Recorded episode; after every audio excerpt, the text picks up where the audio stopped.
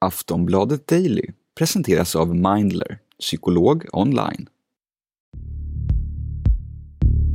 Han tog sig rätten att förbruka min kropp. Jag vill inte dö, men jag vill heller inte leva i den här kroppen. Den är inte min längre. Jag skulle vilja fråga honom, hur fan kunde du? Orden är Lisas. Hon är en av de kvinnor som uppger att hon har blivit våldtagen av han som har kommit att kallas för det eftersom det var i hans lägenhet på Nytorget i centrala Stockholm som många av övergreppen ska ha skett. En 34-årig tidigare ostraffad man som misstänks ha våldtagit 26 kvinnor. Många medan de sov, många medan de spelades in. Brotten ska ha begåtts mellan 2018 och 2020 och utredningen har bara fortsatt växa i takt med att polisen hittat fler brottsoffer. Mannen har suttit häktad sedan i november och nu väntar åtal. Hur kom polisen honom på spåren?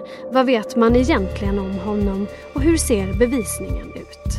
Det ska vi prata om i dagens Aftonbladet Daily. Jag heter Olivia Svensson.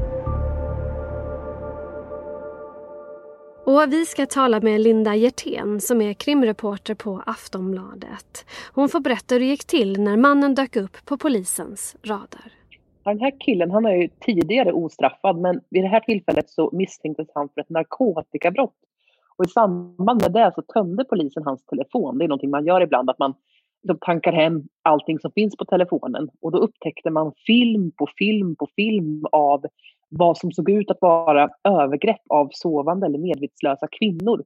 Och man hittade även chattar och sms där olika kvinnor anklagade honom för våldtäkt. Det var så det här kom polisen, liksom, som gjorde att polisen kom på spåren på den här mannen. Och sen har det ju bara växt vecka för vecka. Och vad är det för tidsperiod som det handlar om som han ska ha begått eh, de här brotten?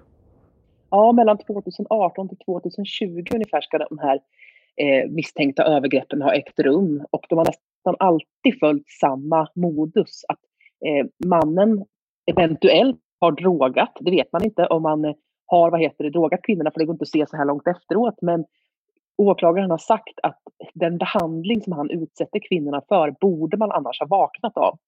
Eh, så att han har liksom då utnyttjat sovande alternativt medvetslösa kvinnor. Men det gäller inte alla fall, utan det finns även lite andra typer av övergrepp och situationer som han också misstänks för. Och visst är det så att många av de här kvinnorna inte ens visste om att de var eh, utsatta förrän polisen hörde av sig? Ja men exakt och väldigt många av de här kvinnorna, nu är det då 26 kvinnor som misstänks ha våldtagits av den här mannen. Väldigt många av dem blev ju uppringda av polisen, att polisen lyckades identifiera dem via filmerna och de ska ju ha fått en total chock när de fick höra vad som hade hänt och att det dessutom hade filmats. Det här att han ska ha samlat på sig filmer på övergreppen, alltså vad, vad tyder det på? Är det något som är vanligt att polisen stöter på? Ja, alltså, den här killen verkar inte särdeles vanlig alls. För jag menar, dels kvantiteten, alltså 26 kvinnor som han misstänks ha våldtagit är, ja, men det, jag har nästan aldrig varit med om någon så hög siffra. Men om han nu är den som polisen tror, en, en serievåldtäktsman, så är det ganska vanligt med just serieförbrytare att man kanske sparar någon slags trofé, att man vill återuppleva det som har hänt om och om igen. Det tyder även hans i så fall upprepade beteende på att han har liksom våldtagit om och om igen. Och då är det också ganska vanligt att man kanske behåller någonting, en sak, eller som i det här fallet en film, eh, så man kan liksom återuppleva övergreppet. Vad vet man annars om den här mannen? Vad, vad, vet man om vad han har fört för tillvaro innan han greps? Ja, men en ganska vanlig tillvaro. Han är ju ostraffad sedan tidigare, 34 år. När han greps så hade han en flickvän sedan ett år tillbaka. Han ska ha jobbat lite grann som någon slags säkerhetsvärd. Det kan man vara på till exempel publika eh, evenemang och sådär. Och han verkar ha varit ganska populär, rört sig mycket ute i krogsvängen, haft vänner, varit omtyckt.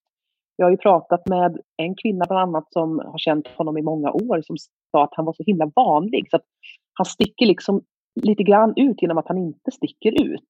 Eh, för ofta när det rör sig om serieförbrytare så brukar de ha något udda drag. Det brukar liksom eh, ja, de brukar sällan vara populäraste killen i klassen om man säger så. Eh, så i det här fallet så, ja det är lite annorlunda allting faktiskt. Vi ska snart prata mer med Linda Hjertén, men först några ord från vår sponsor. Skulle du vilja prata med en psykolog men vet inte riktigt hur du ska göra? Mindler är en digital vårdgivare där du fritt kan välja bland 300 psykologer och prata online via videosamtal eller chatt. Ett samtal kostar 100 kronor. Du är garanterad en tid inom 24 timmar och genom hela din behandling kommer du att få träffa samma psykolog. Via Mindler-appen kan du även ta del av ett stort antal självhjälpsprogram. Läs mer på mindler.se. Välkomna tillbaka. Aftonbladets krimreporter Linda Hjertén har talat med två av kvinnorna som Nytorgsmannen misstänks ha våldtagit. Vi kan kalla dem Lisa och Elin.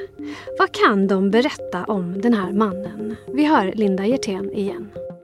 Den ena av tjejerna hon hade känt honom i många år och eh, de hade en slags relation där han stöttade henne efter att hon hade blivit våldtagen, vilket gör att hon känner att den, det som han sen utsatte henne för det är nästan ännu värre med tanke på vad han visste, vad hon hade gått igenom och eh, han stöttade henne i detta. Och sen då hände det här. Hon anmälde inte då för att hon trodde dels att hon var det enda offret och dels för att hon, hon hade inte så mycket tilltro till rättsväsendet med tanke på den första anmälan hon hade gjort mot en annan man som aldrig ledde till någonting. Så att hon fick eh, lite av en chock i mars när polisen ringde upp henne för då hade de hittat en konversation mellan henne och den här mannen där hon eh, ganska explicit beskriver vad han faktiskt gjorde mot henne eh, den där natten, där hon bröt deras förhållande. Och det var så polisen då eh, hittade henne.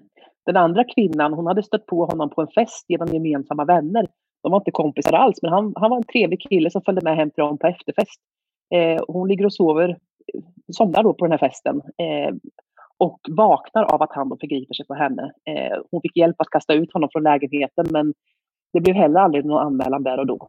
Nej, och det är ju också någonting som eh, är anmärkningsvärt ändå. För det säger någonting om vilken situation som kanske de här kvinnorna utsätts för. Eh, vad har de sagt, de som du pratade med om hur man blir bemött som våldtäktsoffer? Ja, det är ju någonting man faktiskt stöter på väldigt. Jag pratar med ganska många våldtäktsoffer och väldigt många har liknande kritik. Alltså, att det brister framför allt kanske i eftervården. Eh, dels blir man ju som våldtäktsoffer, inte bara av myndigheter utan också kanske av sin omgivning, ifrågasatt. Jaha, hur kunde du välja en sån kille? Istället för att man frågar, hur kunde han göra så där mot dig? Alltså, eh, att man ofta känner sig ganska ifrågasatt. Den ena av de här tjejerna som jag intervjuade, hon, eh, ingen i hennes bekantskapskrets trodde på henne att det här hade hänt. Och det gör ju också den, den misstroendet från liksom de som är närmst gör ju också att man såklart tvekar att anmäla. Så jag menar, det är väldigt många sexuella övergrepp som aldrig anmäls. Eh, båda de här tjejerna tycker ju att man ska anmäla. De vill ju inte skrämma någon att, att göra det. Men de säger samtidigt att det finns mycket som samhället skulle kunna bli bättre på i hur man tar om hand. För sen så handlar det också om en rättsprocess som är ganska ansträngande. Alltså, ditt, ditt, privatliv vänds ut och in på. Ditt innandöme vänds ut och in på, bokstavligt talat. Jag menar, du, du får genomgå fysiska undersökningar och, och, och det kommer ju ofta upp i debatten att kvinnor falskanmäler våldtäkt. Ja, det är klart att det säkert händer, men om man visste vilken otroligt svår process det är att gå igenom en sån här procedur, så tror jag man skulle ha respekt för att de få som falskanmäler är få. 26 brottsoffer som du nämnde finns då i den här utredningen, vilket ju är otroligt många. Misstänker man att, att det finns ett, ett mörkertal? För polisen har ju ändå sagt att en del kvinnor inte ens har vetat om att de har varit utsatta. Mm, man har hela tiden sagt att det finns ett mörkertal, men nu har man faktiskt börjat tro att man kanske har nått, eh, nått det fulla antalet. För att dels har polisen nu gått igenom hans eh, filmer, lyckats identifiera kvinnorna på filmerna. Man har även gått igenom sms och chattkonversationer och lyckats identifiera de kvinnorna. Sen är det ytterligare några som har hört av sig för att de har känt igen hans lägenhet som polisen har publicerat en bild på i media. Men, eh, så det har ju vuxit vecka för vecka. Senast förra veckan så hade det kommit in ytterligare sex brottsoffer. Sen får man ju se om, om åklagaren lyckas väcka åtal gällande alla de här 26 målsägarna eller inte. Men som det ser ut just nu så, så verkar det inte komma in fler. Nej, just det. För, för nu väntar ju åtal som sagt. Hur, hur ser bevisbördan ut mot den här mannen? Ja, mannen själv är viktigt att säga att han nekar fullständigt till brott.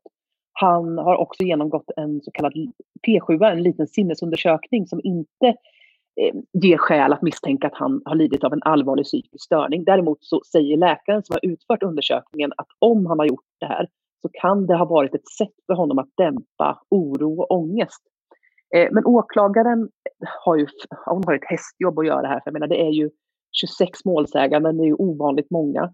Det eh, eh, finns ju väldigt mycket teknisk bevisning i form av just chattar och filmer. Och sen så kan ju han ha sina förklaringar till de här filmerna, antingen att det var inte han eller att de var med på det. Så att för varje enskilt fall måste ju åklagaren hitta stödbevisning som visar att ett, det har varit ett övergrepp och två, mannen som nu är, misstänkt är den som har genomfört dem. Så att åklagaren tror att det kanske kan bli åtal lite senare i sommar, men det är, ja, det är fortfarande jättemycket jobb kvar. Och kommer kvinnorna att, att träda fram och berätta vad de har upplevt också i rättegången? Ja. Är det vad man tror? Ja, men det kommer de att få göra. Eh, och vad gäller just eh, sexualbrott så är ganska ofta eh, en rättegång bakom stängda dörrar och som brottsoffer så kan man också få välja att antingen vittna inne i salen eh, men om man känner ett väldigt stort obehag för den eh, för misstänkte förövaren så kan man också få eh, vittna via till exempel länk. Eh, och i vissa fall när det handlar om väldigt många brottsoffer eller om barn så kan man också spela in förhören och sen spela upp för rätten. Men allra starkast bevisvärde anses ju ett, kan man säga, ett liveförhör ha. Alltså att du faktiskt står där inför den person som har, du säger har gjort det här mot dig och, och vittnar. Men för de här kvinnorna så väntar ju såklart en, en ganska lång och jobbig process. Mm. Och visst är det så att om han döms så, så är, blir han en av de liksom värsta serievåldtäktsmännen som vi har, har sett i, i Sverige? Ja, i modern tid så kan jag inte minnas någon som har i så fall eh, misstänkt för så många våldtäkter. Sen har det funnits våldtäktsmän som Hagamannen och eh, Örebromannen som har varit stuckit ut i sin, i sin aggressivitet och våldsamhet. Alltså, Hagamannen nära dödade ju eh, flera av sina offer, precis som Örebromannen. Det var ju så otroligt mycket våld och eh, inblandat.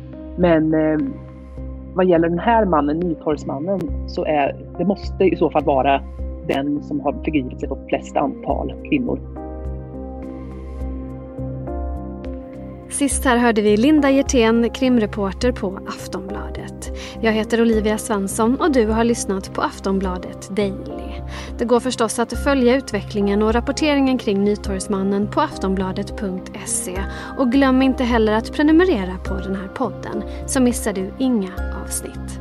På återhörande, hej då!